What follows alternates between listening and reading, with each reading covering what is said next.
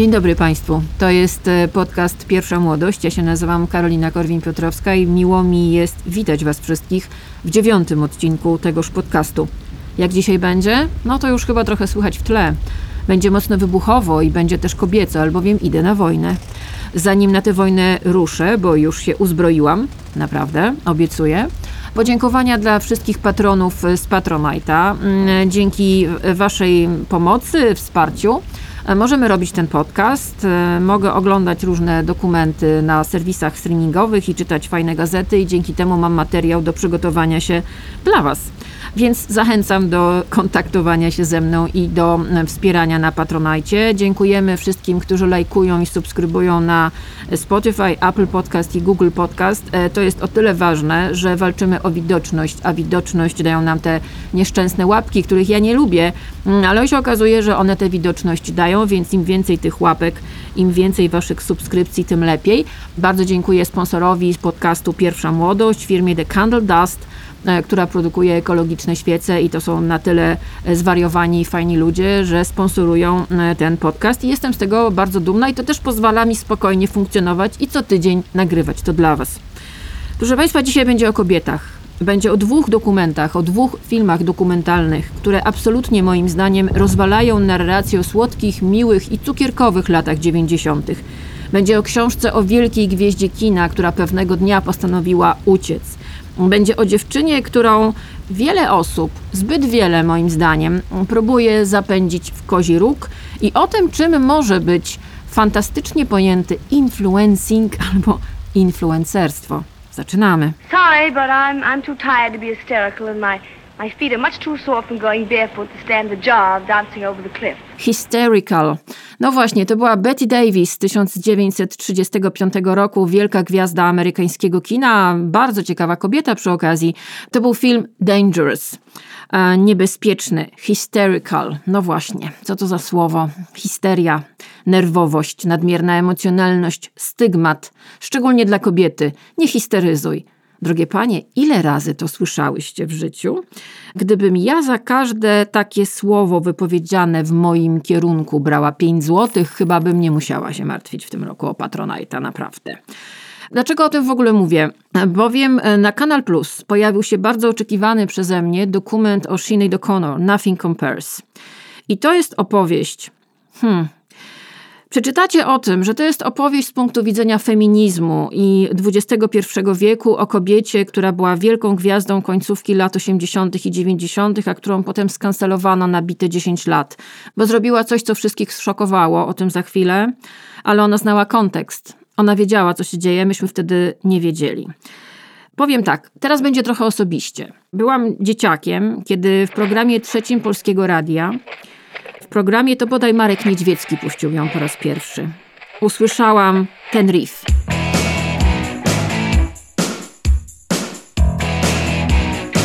Fajny riff, co? To jest początek piosenki Mandinka z debiutanckiego albumu Sinead O'Connor The Lion and the Cobra z 1987 roku. Mandinka to jest piosenka, która rozwaliła moją głowę po prostu. E, potem zobaczyłam w telewizji, gdzie czasami puszczano teledyski, to są lata 80., pamiętajmy, ale zobaczyłam dziewczynę, która miała takie ciężkie wojskowe buty, to były glany, y, spodnie zwykłe, jakąś koszulkę i miała głowę ogoloną na zero i pomyślałam sobie, Boże, jaka ona jest niesamowicie piękna, kobieca, a jednocześnie taka silna, taka twarda. Wiecie, wtedy w Polsce nie było takich kobiet. I ja chciałam być taka jak ona. Mniej więcej w tym samym czasie zobaczyłam e, Dolores O'Riordan z zespołu The Cranberries, świętej pamięci już Dolores i to też była taka dziewczyna obcięta na zapałkę z bardzo jasnymi włosami, króciutkimi. Pomyślałam sobie tak, kiedyś będę miała krótkie włosy. Obcięłam w końcu te włosy ale bardzo długo synonimem miłej kobiety, dobrej kobiety, grzecznej dziewczynki była dziewczynka z długimi, ładnymi włosami. Ja się urodziłam w Polsce komunistycznej. Niestety, stety. I kiedy zobaczyłam tę Sinead O'Connor śpiewającą mandinkę, wściekle śpiewającą, krzyczącą do mikrofonu, naprawdę rozwaliło mi mózg. Dlatego ta piosenka i dlatego ta dziewczyna, szczególnie z tego momentu, z końcówki lat 80. i początku 90., jest mi tak bardzo, bardzo bardzo bliska, bo ja taka chciałam być.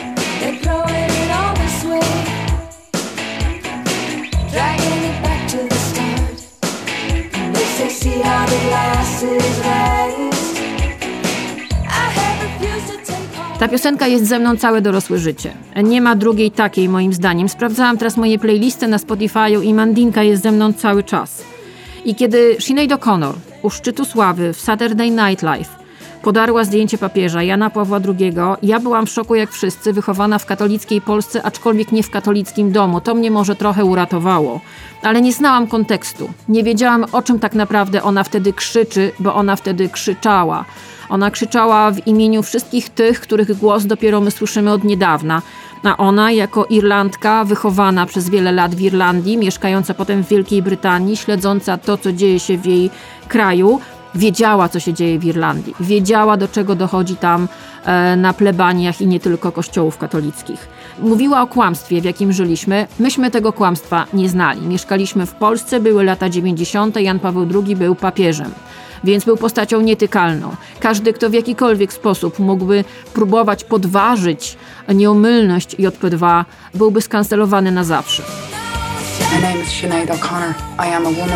To, czego słuchaliście przed chwilą, to jest e, fragment tego wstrząsającego dokumentu Nothing Compares, który możecie oglądać na Kanal Plus, który ja obejrzałam chyba już ze cztery razy.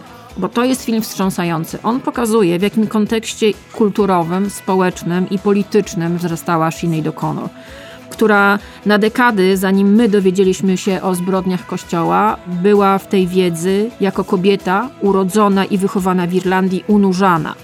Ona o tym wiedziała, jak wiedzieli też wszyscy Irlandczycy, szczególnie Irlandki. To jest też film, który pokazuje w ogóle media tamtych czasów. To jest niesamowite z perspektywy 2023 roku oglądać zmontowane fragmenty talk showów, do których zapraszano Sinead O'Connor, wschodzącą gwiazdę brytyjskiej muzyki, światowej muzyki, która naprawdę sprzedawała stadiony i była, od razu widać było, że zdarzył się talent jeden na miliony. Wiecie o co ją pytali? O to, że jest łysa. Dlaczego ogoliłaś w głowę? O, jak fajnie już ci włoski odrastają. No, grzeczna dziewczynka, będziesz miała ładne loki. No, ona nie miała ładnych loków, nie chciała ich mieć, to był jej wybór. Na pytanie, dlaczego to zrobiłaś, mówiła, no bo po prostu chciałam obciąć włosy. To dlatego, że jednego dnia noszę czerwone majtki, a drugiego dnia czarne majtki. To jest mój wybór. Ona to mówiła pod koniec lat 80., kiedy kobiety tak nie do końca miały wybór, wbrew pozorom. Terapią na wszystko, co ją spotykało od dzieciństwa, bo tutaj też musimy jeszcze jedną powiedzieć rzecz. Ten film dokumentalny, o którym Państwu opowiadam, Nothing Compares, opowiada o tym jej dzieciństwie. O dzieciństwie, o którym słyszymy między wersami kolejnych piosenek, ale tutaj to jest opowiedziane tak, że tak powiem, pięścią między oczy. O matce, która ją niszczyła, o ojcu, który bardzo szybko uciekł z domu, o matce, która była chora psychicznie, o matce, która ją zamykała w ogrodzie na noc i kazała jej spać na trawie, o matce, która ją po prostu wyrzucała z domu i o dziewczynce, która bardzo chciała być kochana, ale no nie do końca była. W związku z tym wyrosła nic dziwnego na trudne tak zwane dziecko, z którym nikt sobie nie umiał poradzić i wylądowała, trzymajcie się mocno, miała 14 lat, kiedy trafiła do domu opieki, który prowadziły siostry Magdalenki. Słynne siostry Magdalenki, o których już dzisiaj wiemy, co robiły w swoich domach opieki. Kiedy y, odkrywano prawdę o y, tych domach opieki, odkrywano przede wszystkim cmentarze wokół nich. Cmentarze pełne kości maleńkich dzieci, y, bo w tych domach były trzymane kobiety, które z różnego powodu, no, że tak powiem, zboczyły z drogi cnoty i na przykład zachodziły w ciążę niechcianą z gwałtu, albo były zbyt młode, żeby sobie poradzić z zaistniałą sytuacją, albo były właśnie butne, albo były ambitne, albo miały własne zdanie. Te, które były w ciąży, rodziły tam dzieci. Część z tych dzieci szła do adopcji, ale nie wszystkie. Większość niestety umierała, często z głodu, z pobicia. Ich kosteczki znajdowane są do dzisiaj. I do takiego domu które łączyło ośrodek wychowawczy z kospicją, e, trafiła w wieku 14 lat Sinead O'Connor. I ona opowiada w tym dokumencie z OFU, bo przez cały prawie dokument słyszymy jej taki lekko zachrypnięty głos z OFU. Ona nam opowiada to, co my widzimy, jakby dopowiada historię. Trudno mi o tym mówić, ona trafiła za karę pewnej nocy w tym domu, bo była niegrzeczna, jak zwykle była niesubordynowana, takie trudne, niedobre dziecko, niedobra dziewczynka. No więc zamknęły ją w hospicjum, piętro wyżej. Tam, gdzie w łóżkach leżały te kobiety, które kilkanaście, kilkadziesiąt lat temu powiły tutaj dzieci i potem zostały zamknięte do końca dni swoich no w tym więzieniu tak naprawdę dla kobiet, które dla niepoznaki nazywane było ośrodkiem sióstr Magdalenek. I opowiada o tym, jak one krzyczały całą noc, prosząc o pomoc, wzywając pielęgniarkę, prosząc o lek. Wyobraźcie sobie, ona miała wtedy kilkanaście lat, była dzieckiem i zobaczyła, co tak naprawdę, czym tak naprawdę w realu bywa, bo nie zawsze i nie wszędzie jest, ale Kościół katolicki, a na pewno w Irlandii. Po wydaniu albumu The Lion and the Cobra, z którego pochodzi Mandinka, to może jeszcze raz ten riff dajmy.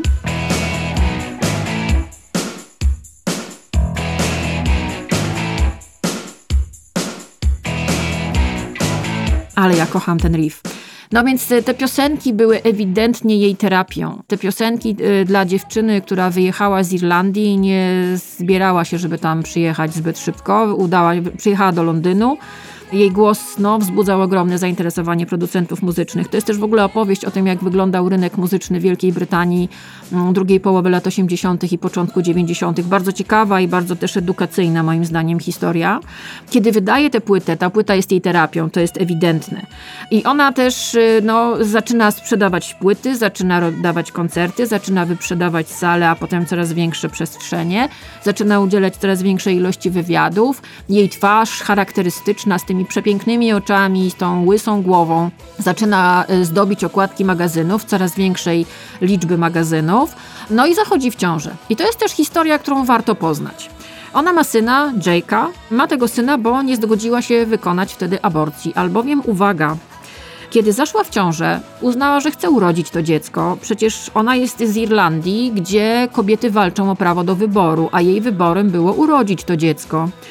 Wtedy w Londynie dowiadujemy się z tego, z tego dokumentu, że wytwórnie miały swoich lekarzy, którzy no, różne rzeczy tam sugerowali artystom, którzy byli na kontrakcie i ona usłyszała, uwaga, od lekarza, że jest winna wytwórni tego, by nie mieć teraz tego dziecka, bo robi karierę i to nie wypada, żeby ona teraz miała to dziecko, bo to dziecko będzie dla niej ciężarem. No i wtedy ona mówi, że nie po to uciekła z Irlandii i nie po to uciekła z patriarchalnego i mizoginistycznego kraju, żeby teraz ulec podobnej narracji w zupełnie nowym miejscu zamieszkania i decyduje się urodzić dziecko i wychować Jake'a, który staje się bardzo ważną osobą w jej życiu. Cały czas jest dziewczyną bardzo zagubioną, e, bardzo niepewną siebie, tam pada takie zdanie, które mm, w dokumencie Nothing Compares wypowiada Sinead O'Connor. Nie rozumiałam, dlaczego komuś podobały się moje nagrania.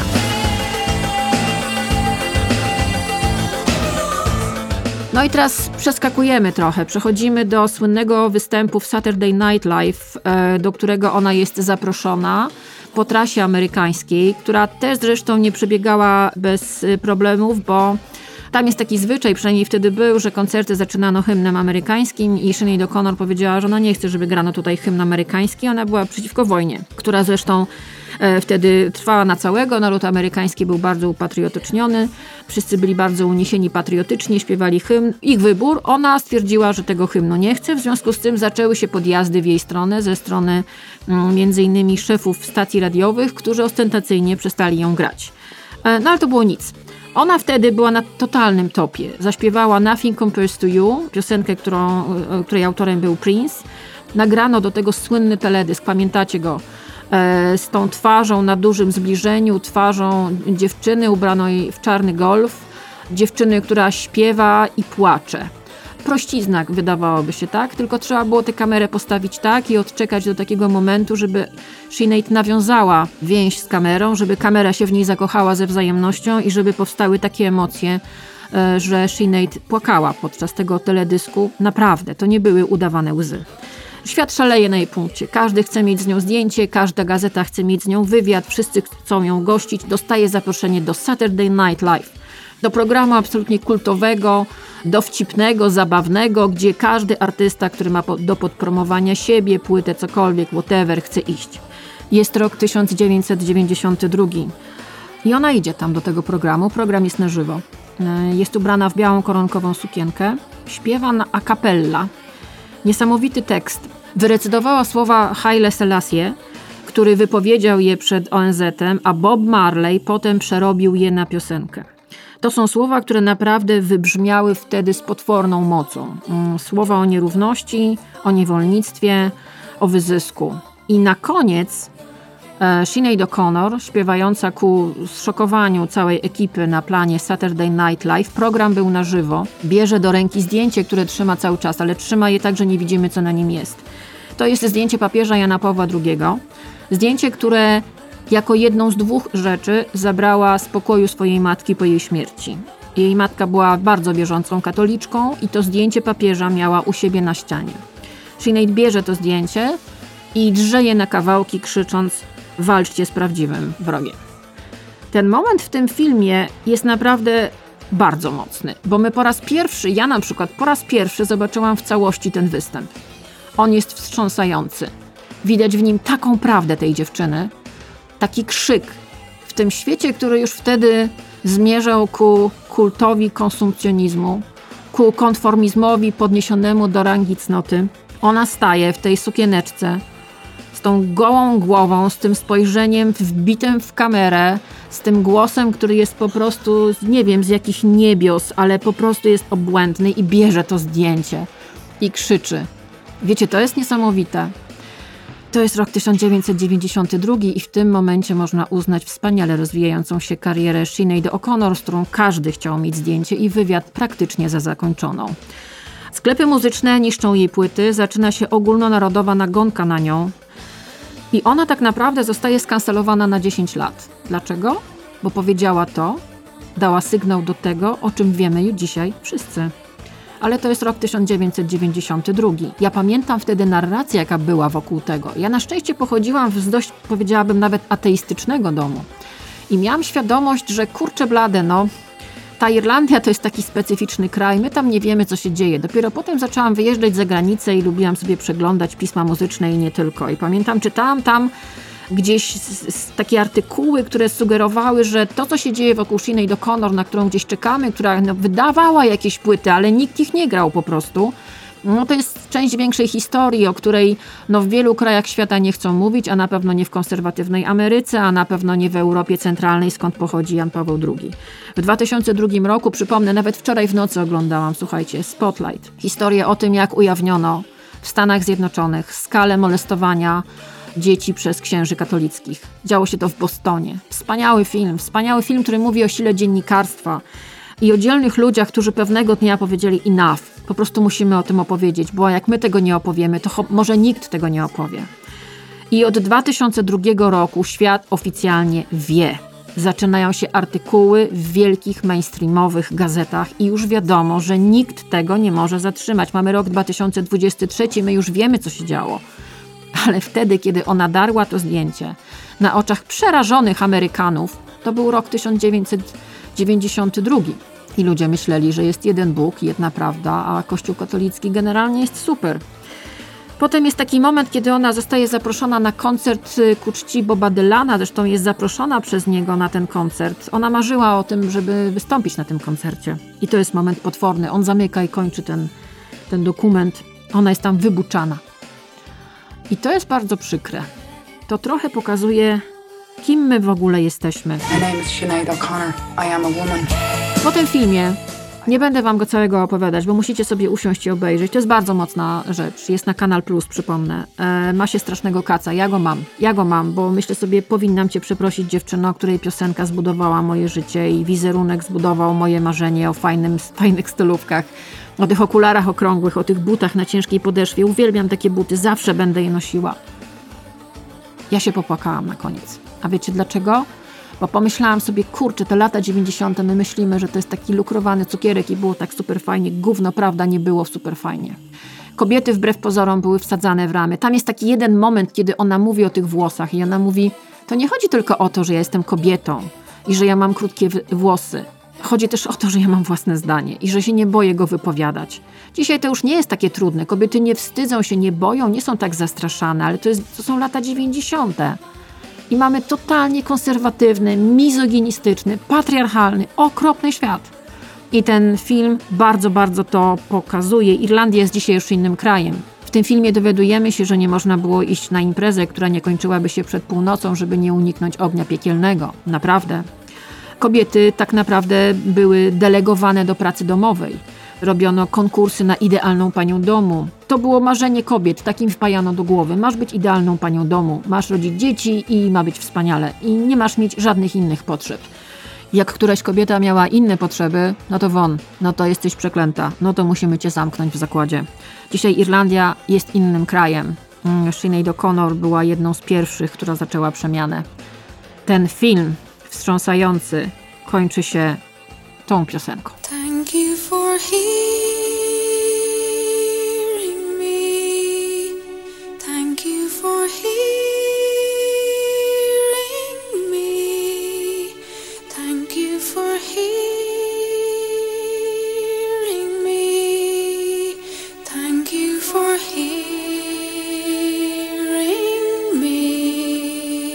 teraz będzie o kolejnej kobiecie, która była uwięziona w stereotypie absolutnym, tak zwanej zimnej, chłodnej blondynki skandynawskiej. Jak myślicie, o kim mówię? I want to be alone. Where have you been? I suppose I can cancel the Vienna contract? I just want to be alone. You're going to be very much alone, my dear madame. This is the end.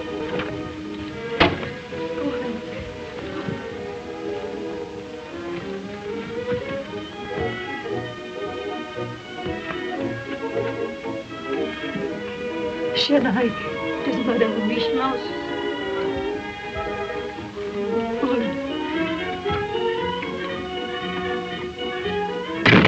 No to była, proszę Państwa, Greta Garbo. Greta Garbo we fragmencie świetnego filmu e, Ludzie w hotelu, filmu z 1932 roku. Wystąpiła tam m.in. obok Joan Crawford i Lionela Barrymora, czyli no to jest znane Wam nazwisko. E, Drew Barrymore jest z tej samej rodziny. Jak już mówiłam, film z 1932 roku, gdzie w jednym hotelu splatają się losy bardzo różnych ludzi, a Greta Garbo gra sławną baletnicę która, tak jak słyszeliśmy przed chwilą, chce, żeby wszyscy zostawili ją samą. No właśnie, to jest zdanie dość prorocze, bo ona je w pewnym momencie swojego życia naprawdę powiedziała.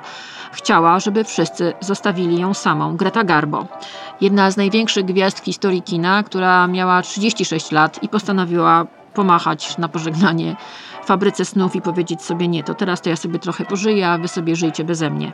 Nazywała się tak naprawdę Greta Gustafsson, Dostrzegł ją szwedzki reżyser Maurits e, Stiller, który wywiózł ją do Stanów Zjednoczonych i ona dzięki niemu tam zaczęła robić karierę. On ją tak naprawdę dyktował, co ma robić, jak ma wyglądać, e, dyktował, jak ma się zachowywać, nauczył ją jedzenia nożem i widelcem, zatwierdzał każdy szczegół kostiumów i makijażu, uczesania i biżuterii, dyrygował jej życiem osobistym. Dostała się ewidentnie w łapy psychopaty.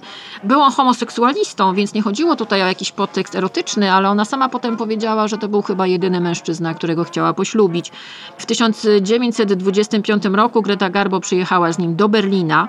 Wtedy już nazywała się Garbo, bo tak naprawdę nazywała się Gustafsson, ale on wiedział, był na tyle inteligentny, że yy, wiedział, że nazwisko Gustafsson się nie sprzeda w Hollywood. Garbo to jest coś. No więc Greta Garbo przyjechała z nim do Berlina i z Berlina wprost praktycznie potem do Nowego Jorku, gdzie zaczęła się jej wielka amerykańska kariera, na początku której musiała schudnąć 15 kg. Dieta była potworna, mm, ale udało się. I to jest też bardzo ciekawe, jak już mówimy o kobietach, które się zasadom nie kłaniają. Wtedy w Hollywood była taka zasada. Nie miejmy złudzeń, że kobiety, które oglądamy na zdjęciach wielkich gwiazd filmowych ze złotej ery Hollywoodu są naturalne. Większość z nich naprawdę była poprawiana i naprawdę ta ingerencja w ich wygląd była potężna. Głównie dotyczyła nosów, które prostowano, linii żuchwy, którą poprawiano i linii włosów, którą robiono wyżej, bo no, miały po prostu za niskie czoła. No i oczywiście Grecie Garbo, która i tak miała genialne proporcje twarzy, zaproponowano to i owo. Ona się absolutnie na to nie zgodziła. E, jedyne, co pozwoliła sobie zrobić, to żeby powiększyć i tak e, spektakularne kości policzkowe i żeby ten efekt światłocienia pod nimi mm, był widoczny, dała sobie wyrwać tylne zęby. E, w sumie ich było bodaj osiem. To było jedyne, co pozwoliła zrobić. Nie pozwoliła ufarbować sobie włosów, bo w czasach, kiedy ona przyjechała właśnie do Stanów, to jest początek lat 30., 30. Mm, zauważcie, jak zobaczycie te zdjęcia mm, kobiet z tamtego okresu, z wielkich aktorek, to albo są blondynki, albo są brunetki, nie ma nic po, po środku. I te blondynki są platynowe. Ona sobie nie pozwoliła zrobić platyny, powiedziała, nie ma takiej opcji i została przy swoim szwedzkim blondzie, takim trochę mysim, takim powiedzielibyśmy dzisiaj lekko przysypanym popiołem. E, no i miała nosa, bo to jej dało absolutną wyjątkowość. Ona była jedyna i niepowtarzalna. Potem Rita Hayward stała się ruda i też była niepowtarzalna, ale to były jednostkowe przypadki.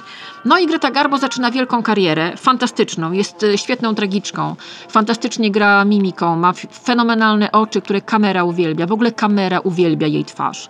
Ta twarz uznawana jest za twarz idealną, ma idealne proporcje, światło się genialnie układa, no nie sposób zepsuć ujęcia z Gretą Garbo i do tego ona gra, gra wspaniale, gra bardzo nowocześnie. Niedawno widziałam ludzi w hotelu, to jest 1932 rok i to jest bardzo nowocześnie grane, to jest w ogóle bardzo nowoczesna historia i bardzo nie niepoprawna politycznie. I ona jest cudowna. Jest cudowna, oczywiście stereotypowo jest chłodną kobietą ze Skandynawii, albowiem wiemy, że kobiety ze Skandynawii wszystkie są chłodne, zimne, jak góra lodowa, w związku z tym e, Greta Garbo no, daje się gdzieś wcisnąć w ten stereotyp, ale do pewnego momentu. Mm, gra w, we wspaniałych filmach, Królowa Krystyna, gra w Damie Kameliowej, gra w Dwulicowej Kobiecie, w Ninoczce, w której się śmieje, bo ona się nie śmiała, to też było dość ciekawe. Ona grała postacie dramatyczne, które się nie śmiały, e, więc nawet e, kiedy zagrała w filmie Ninoczka, to e, reklamowano go takim headlinem, takim sloganem reklamowym Garbo się śmieje. Matko Boska. Zimna kobieta ze Skandynawii i śmieje się. No tak, to jest Hollywood. To jest też trochę prawda o tym miejscu. Jej życie prywatne jest otoczone mgłą tajemnicy. Nic o nim praktycznie nie wiadomo. Można się tego dowiedzieć z książki, o której Państwu mówię. To jest książka, która każdy kinoman powinien wziąć do ręki, bo to nie jest tylko o Garbo, to jest w ogóle o świecie tamtych czasów. Masa świetnych zdjęć, fotosów, naprawdę Tą książkę też się ogląda, nie tylko się czyta. Robert Gottlieb, Garbo, najbardziej tajemnicza gwiazda Hollywood. Książka okazała się w zeszłym roku, przeleciała niezauważona, no bo kto dzisiaj zauważa takie książki? Ja zauważam. Kupiłam ją sobie, przeczytałam, dowiedziałam się dużo fajnych rzeczy o tej kobiecie. O tej kobiecie, która w wieku 36 lat stwierdziła, że chrzanić to, będę żyła po swojemu, pieprzyć to wszystko i bardzo dobrze. Zmarła 15 kwietnia 1990 roku w wieku 85 lat. Ja pamiętam, że kiedy pokazano to w dzienniku telewizyjnym ówczesnym, dano te informacje, moja mama się popłakała. Ona była kinomanką, moja mama. Ta miłość do kina nie wzięła mi się z sufitu, ja to mam w genach. Prochy Grety Garbo spoczywają w rodzinnym Sztokholmie, a na nagrobku jest wyłącznie napis Greta Garbo. E, można na nią patrzeć bez końca, można o niej czytać bez końca. Bardzo Wam polecam. To jest taka podróż w czasie, pięknie ilustrowana. Garbo, najbardziej tajemnicza gwiazda Hollywood. Robert Gottlieb. E, tradycyjnie moi patroni z Patronite'a będą mieli wszystkie linki do tych książek u siebie w newsletterze. Posłuchajmy jeszcze przez chwilę. Greta Garbo. You wrote me an unkind letter. What did you expect? I saw the Baron's carriage. You were jealous. Of course. Well, then, you do right in going away. Oh, what does it matter whether I go or stay? I played the fool again, and you've probably been laughing at me ever since. I didn't laugh at all. I was angry because you dared write such things to me, but, but I didn't laugh. You should have known it was because I loved you. You know, once I had a little dog, and he always looked sad when I was sad, and I loved him so. And when your tears fell on my hand, I loved you too all at once. No a teraz, proszę Państwa, kolejny dokument. Obejrzany przeze mnie zaraz po premierze. Dwa razy. Z rosnącą złością. Zresztą najpierw posłuchajmy.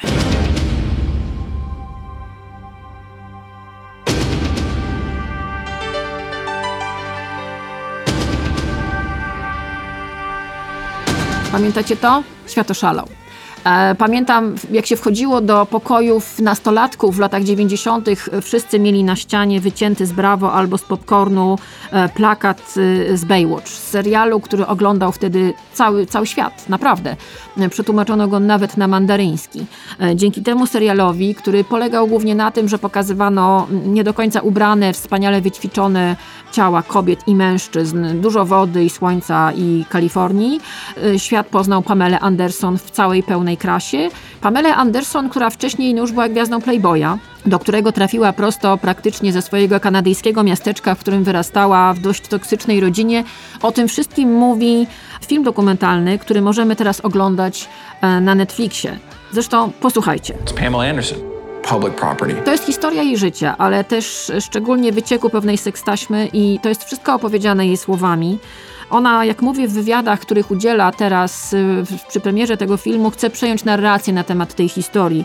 W zeszłym roku pojawił się na Disney serial Pam and Tommy, który opowiadał w fabularyzowanej wersji tę historię, która wstrząsnęła show biznesem lat 90. i jej mm, reperkusje mamy tak naprawdę do dzisiaj. Ona nie oglądała tego serialu. Tam jest sporo przekłamań. O jednym między innymi bardzo poważnym dowiadujemy się z tego dokumentu e, o Pameli Anderson, ale no, wzbudził na nowo zainteresowanie ją, jej osobą, tą historią, jej związkiem, jej małżeństwem, e, jej dziećmi. A ona, jak ją poznajemy na początku tego dokumentu, który możemy oglądać na Netflixie, sobie mieszka spokojnie w Kanadzie z matką przez ulicę. Naprawdę, wróciła do rodzinnego miasteczka. Zbudowała sobie dom w pandemii tam. E, Siedzi sobie z psami, kosi trawę, bardzo fajną ma kosiarkę, taki traktorek. Żyje sobie spokojnie, e, no do pewnego momentu, dopóki nie dowiedziała się, że cały świat znowu dyskutuje o tym, jak kochała się z mężem na oczach milionów, nie do końca tego chcąc, bo to miało miejsce po wycieku słynnej sekstaśmy jej i Tomiego Lee, jej ówczesnego męża. Czego się dowiadujemy z tego bardzo ciekawego dokumentu, który możemy oglądać na Netflixie? Hi, I'm Pamela Anderson, and one thing you don't know about me is you pretty much know everything by now. I don't think there's any secrets here. To, co słyszeliście teraz, to był fragment wywiadu Pameli Anderson dla Variety. W magazynie Variety dostała okładkę, notabene bardzo piękną. Świetna okładka, która pokazuje twarz kobiety 50-paroletniej, która jest ubrana. Ha, to jest ważne, jest ubrana. I foty są świetne, czyli można. Wróćmy do samej Pameli. Urodziła się w Kanadzie w rodzinie dysfunkcyjnej, ma brata. Rodzina dysfunkcyjna, tata pił, był przemocowcem, wielokrotnie musieli uciekać z domu. Ona w wieku kilku lat została zmolestowana przez swoją opiekunkę, a w wieku 12 lat y, została zgwałcona. No, wyrasta w poczuciu winy, wyrasta w poczuciu zakompleksienia, typowe zachowanie dla dziewczynki, której traumy nikt nie przepracował. Oczywiście nikomu tego nie powiedziała. Oczywiście nie, bo dzieci nie mówią takich rzeczy. Zresztą zwykle wtedy słyszą, nie możesz tego nikomu powiedzieć, to jest nasza tajemnica. Wzbudza w pewnym momencie zainteresowanie Playboya. Nie będę Wam wprowadzała tutaj dokładnie wszystkich historii, które ona opowiada swoimi słowami w tym filmie. Jedzie do y, Stanów Zjednoczonych, mama jest absolutnie za, wspiera ją w tym i zostaje króliczkiem Playboya. Na pierwszej sesji to jest niesamowita opowieść, bo to jest opowieść o dziewczynie, która nie do końca zdaje sobie sprawę z tego, jakie ma ciało. Ale na pierwszej sesji do Playboya nagle widzi, że umie pozować, że sprawia jej to radość, że widzi, że innym się to podoba i że ona się w tym bardzo fajnie czuje. I po paru godzinach tej sesji ona sama mówi, że musieli pilnować, żeby goła wszędzie nie latała, bo tak jej się podobało w ogóle. Jakby po raz pierwszy w życiu zaprzyjaźniła się ze swoim ciałem. I dla niej ta sesja była swego rodzaju terapią trafiała do tej pory, miała przemocowych chłopaków. Po prostu on, to jest taki schemat dziewczynki, dziewczynki, która wyrastała w przemocowym domu, która doświadczyła molestowania, z której wyrasta dziewczyna, a potem kobieta, która trafia na przemocowców, jest niepewna siebie, która wchodzi w łapy coraz większych po prostu kretynów, nazwijmy rzecz po imieniu. No i spotyka Tomiego Lee. Tommy Lee to był wtedy, proszę Państwa, perkusista, bad boy, który lubił sobie wypić, lubił się zabawić, był ta, cały wytatuowany i był seksowny, taka ikona lat 90., też obok niej zresztą. Widzą się, spotykają się, wypijają parę shotów, biorą jakieś ekstazji po prostu szaleństwo. Po kilku dniach biorą ślub w Cancun i cały czas rejestrują swoje życie. No właśnie, lubią nagrywać. To jest moment, kiedy wchodzą kamery wideo do użytku i oni sobie nagrywają na te kamery wideo swoje życie. No różne są tam sytuacje. No kurczę blade, dzisiaj nagrywamy wszystko telefonami. Oni wtedy w latach 90. mieli kamery wideo. Don't call me babe. Pamela i Tommy mają mieś- y, posiadłość. W tej posiadłości jest remont i robotnicy okazuje się, y, w garażu był taki safe i oni kradną ten safe. Te- Nie wiadomo kiedy to się stało, po prostu w pewnym momencie Pamela i Tommy do, no, dochodzą do wniosku, że ktoś im ukradł te taśmy i też tam było bikini Pameli Anderson, jakieś takie bardzo ważne dla niej, jakieś tam artefakty Tomiego, nieważne. Nie ma taśm. Zgłaszają sprawę na policję i jakiś czas później okazuje się, że zafunkcjonowała taśma, na której widać igraszki seksualne i erotyczne Tomiego Lee i Pameli Anderson. No i mamy historię, która... Ha, jeżeli kojarzycie Monikę Lewinsky i jej romans z prezydentem Stanów Zjednoczonych, to Monika Lewinsky była pacjentką zero, jeśli chodzi o hejt w internecie. To, co ona wtedy zebrała, e, nie zebrał chyba nikt przed nią i po niej. Na pewno przed nią nikt nie zebrał. Jeżeli chodzi o utratę prywatności i walkę o tą prywatność, to Pamela Anderson i Tommy Lee e, byli pacjentami zero. Zdecydowanie. Ta sprawa wymknęła się spod kontroli, nikt nie wiedział, jak sobie z tym poradzić, nikt nie wiedział, co z tym zrobić. Oni nie wiedzieli, jak z tym walczyć, sądy były bezradne, adwokat był też tak naprawdę bezradny. Wtedy uczono się, co to jest prywatność, uczono się, że można to złamać, zniszczyć, upodlić. Zdawano sobie sprawę w latach 90., które były zbudowane na wybuchającej wtedy kulturze celebryckiej, że jednak może te, ten cały przemysł bu- zbudowany wokół celebrytów, wokół gwiazd, które wyrastały wtedy jak grzyby po deszczu, to nie jest może najlepszy przemysł i że może jednak ta cała ilość mediów, która wyrasta wokół nich, co jest teraz, ludzie, no ale wtedy to były lata 90., to może nie jest takie do końca super fajne i że może jednak tam są żywi ludzie pod tymi ubraniami, fryzurami, pod tym makijażem i że może im jest czasem przykro? No, wtedy jeszcze tego nikt nie wiedział. I wtedy e, ta biedna Pamela Anderson, przepraszam, że mówię o niej, że ona jest biedna, ale jest mi jej bardzo żal, bo oglądam ten dokument i dowiaduję się między innymi z niego tego, że Pamela Anderson, proszę Państwa, była w ciąży. W ciągu dnia kręciła Baywatch, a wieczorami kręciła film fabularny, w którym zadebiutowała w roli głównej, czyli Barb Wire. I była w ciąży. E, I nikomu nie przyszło do głowy, że kurczę, mamy dziewczynę w ciąży na planie, może trzeba by jakoś ograniczyć o godziny pracy, żeby się wyspała, nie wiem, odpoczęła. Nie, ona pracowała non-stop. Pewnego dnia przewróciła się, zemdlała, straciła dziecko. I tu jest jeszcze kolejny kwiatek. Czy myślicie, że ona dostała wolne, jakiś, nie wiem, urlop? Nie. Dziewczyna, która straciła dziecko, która bardzo chciała mieć to dziecko, mało tego pokazuje, widzimy w tym dokumencie e, zdjęcia pokoiku, który ona z Tomim szykowała dla chłopca, bo to miał być chłopiec. Bardzo chcieli mieć tego chłopczyka, już mieli ściany pomalowane, tam były delfinki, oni chcieli bardzo mieć to dziecko. Ona straciła to dziecko, ukochane, wymarzone i idzie do pracy. Hmm? Albowiem praca jest ratunkiem na twoje wszystkie traumy. Bullshit, pieprzenie. Wiem coś na ten temat, że nie jest. I ona, prawdopodobnie z depresją poporodową, potwornie wymęczona fizycznie i psychicznie, ląduje na planie i pracuje i robi wszystko, daje z siebie 1000%. Prawda?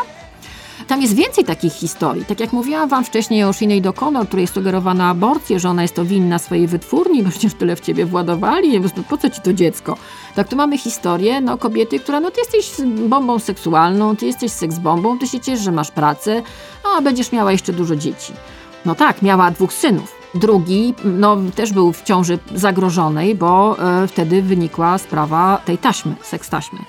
Nie chcę Państwu opowiadać całego tego dokumentu, który jest taką tak naprawdę rzeczywiście opowieścią o tej kobiecie, która dzisiaj bez grama makijażu na twarzy, w luźnej koszuli, bez stanika, siedzi na werandzie swojego domu w Kanadzie, w tle ma swoich synów, bardzo fajni chłopcy, mężczyźni, młodzi, którzy kochają swoją mamę, są bardzo wyrozumiali dla niej, są bardzo czuli, widać, że więź między nimi jest bardzo fajna. I widać, że to, oni się po prostu kochają. Tam są takie super momenty, kiedy oni razem oglądają niektóre taśmy bo okazuje się, że ona ma całe archiwum swoich różnych nagrań e, w domu i zaczyna to po prostu oglądać na takim, pamiętacie, były takie kombajny, telewizor z odtwarzaczem VHS, no to ona ma taki kombajn i sobie oglądają te taśmy. To są piękne momenty, bo my widzimy, że ona ma bliskość z tymi dzieciakami. Dzieciakami, dorośli faceci. Ale wiecie, oglądam to i myślę sobie, Boże Święty, jaki ten świat jest niesprawiedliwy. I'll be in my room alone. Every past meridian. And I'll be with my diary and that book by Mr. Gideon. Bye bye, baby. Remember, you're my baby when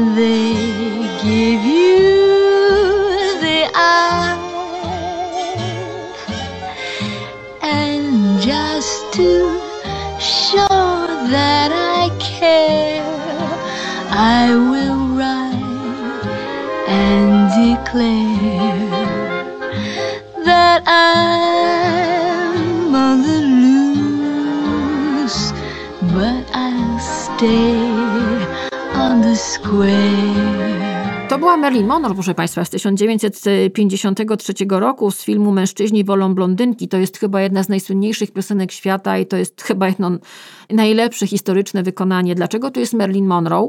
Bo tak jak miałam potwornego kaca po Sinead O'Connor po obejrzeniu tego dokumentu, tak nie miałam wielkiego kaca po Pameli Anderson.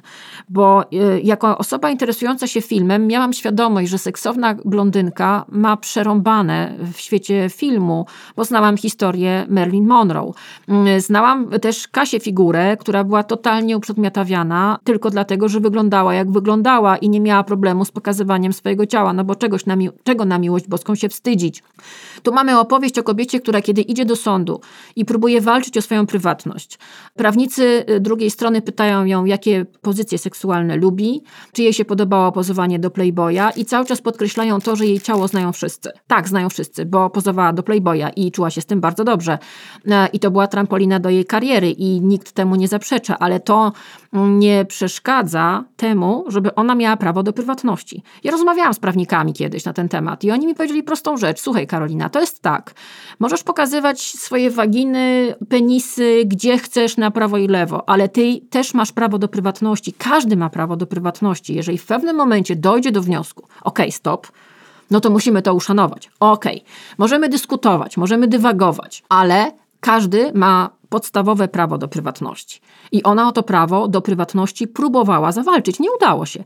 Nie dostała za tą taśmę żadnych pieniędzy wbrew plotkom.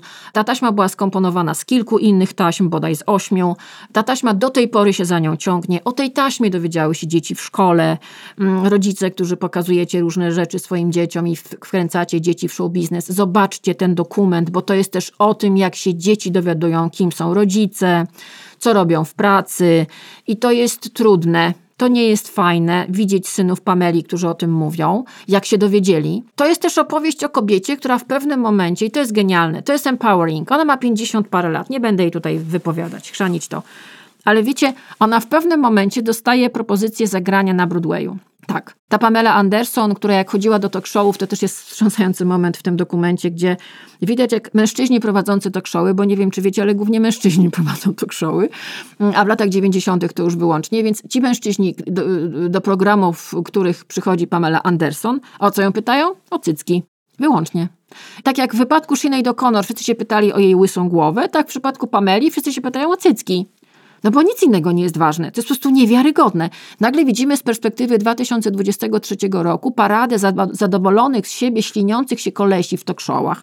David Letterman, fuck you po prostu. Pytają ją o cycki i o potem o sekstaśmę. I ona próbuje wytłumaczyć, nie, nie podobało nam się to, nie chcemy być na ustach wszystkich, nie chcieliśmy, żeby to wypłynęło. I jeszcze jedna rzecz. Wiecie, jak to jest? Jak mężczyzna zmienia dziewczyny, to się mówi, o, on szuka tej drugiej połówki, on jest taki niestrudzony w poszukiwaniu miłości swojego życia. A kiedy kobieta zmienia narzeczonych, mówi się dziwka, kurwa, puszczalska. No, a jeśli jeszcze do tego mówi o tym bez skrępowania, tak jak Pamela Anderson, no upadła. Wiecie, kto na tej taśmie zyskał? Jej mąż, Tommy Lee, a ona stała się kurwą, puszczalską, beznadziejną aktorką. No kto by ją chciał? No bo pokazała ciało na prywatnych nagraniach ze swoim mężem, miała czelność uprawiać seks ze swoim mężem jeszcze miała czelność, miało jej się czelność to podobać. No straszne. Bardzo ciekawy, bardzo, bardzo ciekawy naprawdę dokument. Bardzo bym was prosiła, żebyście usiedli i obejrzeli i nie myślcie o niej, błagam, jako o króliczku Playboya, bo to nie tylko o to w tym wszystkim chodzi. E, Na Netflixie dokument o Pameli Anderson. Oh. No i teraz o pewnym newsie, który podesłano mi. I tak mi się to złożyło z całą tą historią, którą wam dzisiaj opowiadam o kobietach w niewoli stereotypów. Nie wiem, kim jest pan Grabias. Pan Grabias jest, y, z tego co sprawdziłam w internecie, ja tutaj nie udaję, ja od sześciu lat nie oglądam telewizji, tak zwanej no, normalnej, literalnej telewizji. Mm, Sobie oglądam rzeczy jakieś tam na streamingu, ale nie oglądam programów, którymi żyje cała Polska. To jest moja świadoma decyzja. Byłam, widziałam, dziękuję, nie mam ochoty więcej. No więc jest niejaki pan Grabias, który postanowił wypowiedzieć się na temat dziewczyny, którą ja śledzę od wielu lat. I myślę sobie, że jeżeli byśmy mieli zbudować Muzeum Polskiej Żółci, na razie mamy Muzeum e, Polskiej Sztuki Nowoczesnej, wow. No to jakbyśmy mieli zbudować Muzeum Polskiej Żółci, wyobraźcie sobie, to w holu głównym, na samym wejściu powinna stać naturalnej wielkości figura Julii Wieniawy, a jako głównego eksponatu, takiego obiektu polskiej żółci. Mamy do czynienia z dziewczyną, która na tyle, ile ją obserwuję, rozmawiałam z nią raz i to do tego online, na ile ją obserwuję, haruje jak dzika. Jest utalentowana, jest bardzo pracowita, jest bardzo ambitna, ma własne zdanie. Jeżeli słuchaliście uważnie tego podcastu, to wiecie do czego zmierzam. Więc powtórzę. Jest urodziwa, jest utalentowana, jest pracowita, ma własne zdanie, nie boi się komuś odpowiedzieć, że jej się coś nie podoba. Stara się stawiać granice, zarabia pieniądze. Miała paru chłopaków. No, jaki macie obraz? Fatalny, nie? Ona chyba w ogóle nie jest Polką. Naprawdę cóż, że tutaj mieszka. No i nadesłaliście mi newsa o tym, że niejaki pan Grabias. Wygooglowałam go sobie i zobaczyłam, że nosi prawdziwe futra na zdjęciach, więc już mi się słabo zrobiła, zrobiło i nie googlowałam dalej. Wiecie, to jest tak, że ci celebryci idą na imprezy i podchodzi do nich ktoś z mikrofonem i oni tak widzą ten mikrofon, czyli taki święty gral, na widok którego otwierają usta i muszą coś wydalić bez względu na to, czy to jest sensem, czy bez sensu. Zwykle jest bez sensu, a do tego jeszcze to tak montują, że już szok. No tuż pan Grabias na temat Julii Wieniawy, która powinna moim zdaniem stanąć e, w auli, tak jak jest Madame Tissot, tak Muzeum Figur Woskowych, to tam powinna stanąć jej naturalnej wielkości postać. Po Muzeum w Polskiej Żółci, otóż pan Grabias że ja sobie musiałam go wygooglować, żeby wiedzieć, kim on jest. Ach, jestem złośliwa. On powiedział tak, bo, bo podobno była jakaś kąśliwa wypowiedź Wieniawy na temat niejakiej Koziejowskiej. Przepraszam, już nie googlowałam tej pani. I e, pan Grabias powiedział tak, który chyba jest ekspertem od show biznesu, ale też go nie kojarzę. Ale wiecie, ja już od paru lat telewizji nie oglądam. Cytuję. Tutaj jakąś muzykę dajmy, taką wiecie, jak z horroru, młody, coś rzućmy. Tak mówię do niego młody, bo to jego ksywa jest, odpowiadając na zaczepki. Dobra, czytam. To tylko świadczy o młodej, zarozumiałej dziewczynie, Myślę, że gdyby nie media, to kariera Julii Wieniawy nie byłaby tak obszerna i myślę, że to był jej wielki błąd, a za błędy się płaci. Jezus Maria. Proponuję, żeby jeszcze kilku dziennikarzom tak odpowiedziała, a naprawdę możemy pozbyć się Julki raz na zawsze. Ło, grubo, a potem dodał. Ja Julię nie śledzę ani na Instagramie, ani jej kariery, natomiast wielokrotnie dochodziły mnie słuchy, że jest taka bardzo butna i pyszna.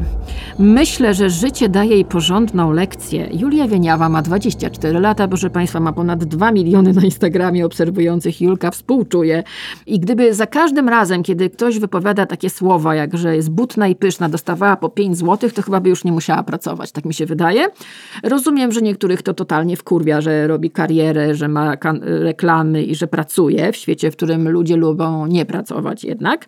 No ale cóż, e, ja rozumiem, że żyjemy w świecie, w którym są same dziewice orlańskie, które od razu poznały swojego męża, z którym są całe życie i w ogóle nigdy nie miały żadnych chłopaków, nigdy nie miały żadnych wpadek i w ogóle są cudowne i w ogóle wszystko im spadało z nieba i, i zawsze były feministkami, i zawsze były tylko wege i jadły tylko tofu i nie nosiły nic ze skóry, mm, a ich życie było pasmem wspaniałych po prostu objawień, nie powiem jakich, bo naprawdę za chwilę mnie ukrzyżują.